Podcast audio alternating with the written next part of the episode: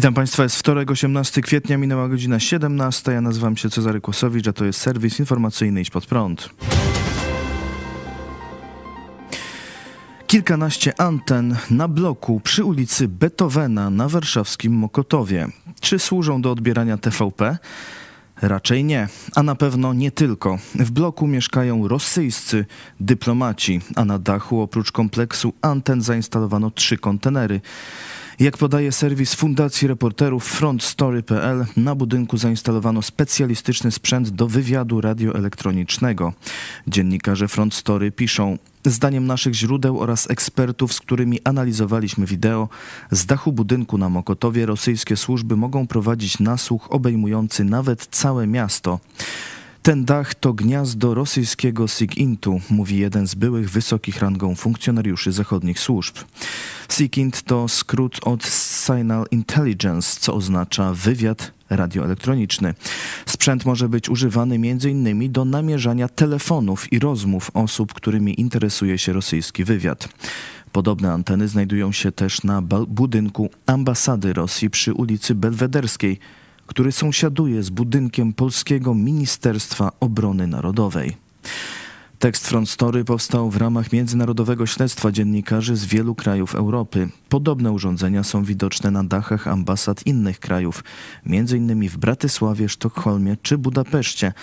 A najwięcej, bo 17 anten naliczono na budynku ambasady Rosji w Brukseli. W całej Europie namierzono co najmniej 182 takie urządzenia. Prokuratura otrzymała wczoraj zawiadomienie w sprawie zamachu na prezydenta Polski Lecha Kaczyńskiego. Podkomisja Smoleńska złożyła w poniedziałek w prokuraturze zawiadomienie o podejrzeniu popełnienia przestępstwa zamachu na prezydenta Lecha Kaczyńskiego oraz morderstwa pozostałych 95 osób podróżujących Tu-154 10 kwietnia 2010 roku, powiedział Polskiej Agencji Prasowej Antoni Macierewicz, przewodniczący podkomisji do spraw ponownego zbadania wypadku lotniczego, czyli tzw. Tak podkomisji smoleńskiej. Zapowiadając wcześniej zwrócenie się w tej sprawie do prokuratury, Antoni Macierewicz mówił o tym, że nie może trwać taka sytuacja, w której dysponujemy dowodami o zamachu i nie ma postępowania w sprawie tego straszliwego aktu. W zawiadomieniu złożonym do prokuratora generalnego i prokuratury krajowej wskazano na prawdopodobne złamanie artykułów 134 i 128 kodeksu karnego. Pierwszy z nich mówi o przestępstwie zamachu na życie prezydenta, drugi o usunięciu przemocą konstytucyjnego organu Rzeczypospolitej Polskiej. W ubiegłym tygodniu odbywały się w Polsce oficjalne uroczystości upamiętniające katastrofę smoleńską, w której 10 kwietnia 2010 roku zginął prezydent Polski Lech Kaczyński i 95 innych osób, które znajdowały się na pokładzie prezydenckiego samolotu, który miał wylądować w Smoleńsku. Zginęła cała polska delegacja, która leciała do Rosji, by upamiętnić ofiary rosyjskiej zbrodni w Katyniu.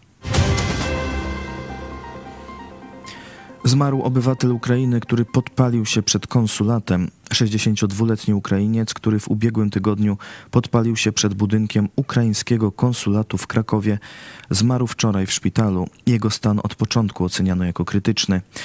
Niestety, pomimo wysiłków lekarzy specjalistów z Małopolskiego Centrum Oparzeniowo-Plastycznego, dziś po południu zmarł pacjent, który 13 kwietnia trafił do szpitala Rydygiera w ciężkim stanie wynikającym z obrażeń po podpaleniu się przed konsulatem Ukrainy, poinformowała wczoraj rzecznik prasowa szpitala. Media informowały, że zanim doszło do samopodpalenia, mężczyzna stojąc w kolejce krzyczał po ukraińsku o pomocy, korupcji, potrzebie powrotu Ukraińców do ojczyzny.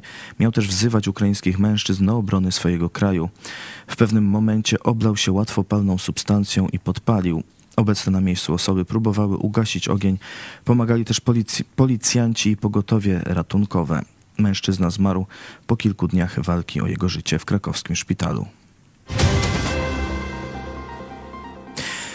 Zbigniew Ziobro robi co może, by przedsiębiorcy nie uszli kary za handel w niedzielę. Minister Sprawiedliwości w rządzie PiS i prokurator generalny Zbigniew Ziobro wniósł kasację do trzech wyroków uniewinniających wobec przedsiębiorców, którym zarzucono niezgodne z prawem prowadzenie handlu w niedzielę. Informacje podał portal Wiadomości Handlowe. Sprawa dotyczy sytuacji, w których właściciele sklepów zlecali pracownikom pracę w niedziele niehandlowe, powołując się na wyjątek w ustawie o ograniczeniu handlu w niedzielę i święta. Przepis mówi, że handel w niedzielę może się odbywać w placówkach handlowych, w zakładach prowadzących działalność w zakresie kultury, sportu, oświaty, turystyki i wypoczynku.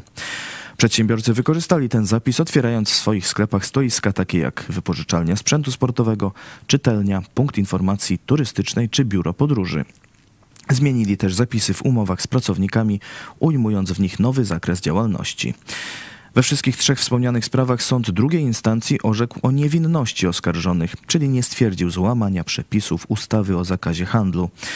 Wyroki były prawomocne, jednak prokurator generalny skorzystał z prawa do złożenia kasacji do tych wyroków. Wniosek o kasację uzasadnił tym, że w warunku uprawniającym do wyjątkowego prowadzenia handlu w niedzielę chodzi o sytuację, w której placówka handlowa jest dodatkowa, a główną działalnością prowadzoną w danym zakładzie jest działalność w zakresie kultury, sportu, oświaty, turystyki i wypoczynku. Tekst ustawy nie zawiera jednak takiego uściślenia, która działalność ma być dominująca. Teraz Sąd Najwyższy rozpatrzy wniosek o przekazanie sprawy do ponownego rozpoznania w postępowaniu apelacyjnym. Rosja znowu blokuje ukraińskie zboże. Rosja ponownie zablokowała ruch statków transportujących zboże z Ukrainy przez Morze Czarne. Od soboty ponad 50 statków, które płyną po zboże na Ukrainę, czeka na rosyjskie kontrole w cieśninie Bosfor. Kontrole są częścią porozumienia zbożowego zawartego w zeszłym roku między Turcją, ONZ, Rosją i Ukrainą, na mocy którego otwarto morską drogę transportu zboża z Ukrainy. Jednak od soboty Rosjanie nie przepuścili żadnego statku. Poinformował o tym szef dyplomacji Unii Europejskiej Josep Borrell. Rosja po raz kolejny blokuje 50 statków z bardzo potrzebnym zbożem na Morzu Czarnym. Unia Europejska wspiera wysiłki ONZ i będzie nadal ułatwiać eksport przez korytarze Solidarności, które umożliwiły dostawę ponad 25 milionów ton zboża. Ponad 50 statków czeka teraz w cieśninie Bosfor na zezwolenie na wypłynięcie do ukraińskich portów w celu załadunku zboża i wyżywienia potrzebujących.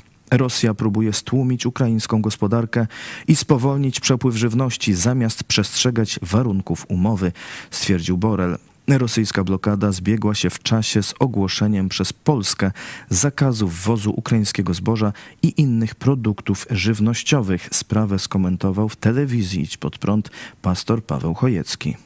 Rosja albo e, przygotowała się, wiedziała, że Polska tak straszne, głupie decyzje podejmie, zresztą nie tylko Polska, Węgry, Słowacja teraz zdaje się do tego dołączyła, albo wręcz użyła swoich lobbystów, żeby do takich mm, e, decyzji doprowadzić, tego nie wiemy, ale wyprowadziła e, tam flotę czarnomorską, dwa okręty atomowe z tymi pociskami Kinjal stoją i to jest zagrożenie, rozumiecie? Oni tam nie będą strzelać może do każdego statku, no ale każdy kapitan, każdy marynarz, który tam będzie płynął tym szlakiem wodnym, no to czy tu nas nie trafi zaraz jakaś ruska torpeda czy, czy, czy rakieta, nie? Te działania są równoległe, nie? Tak Czyli, to wygląda no, Bardzo brzydko to wygląda, no.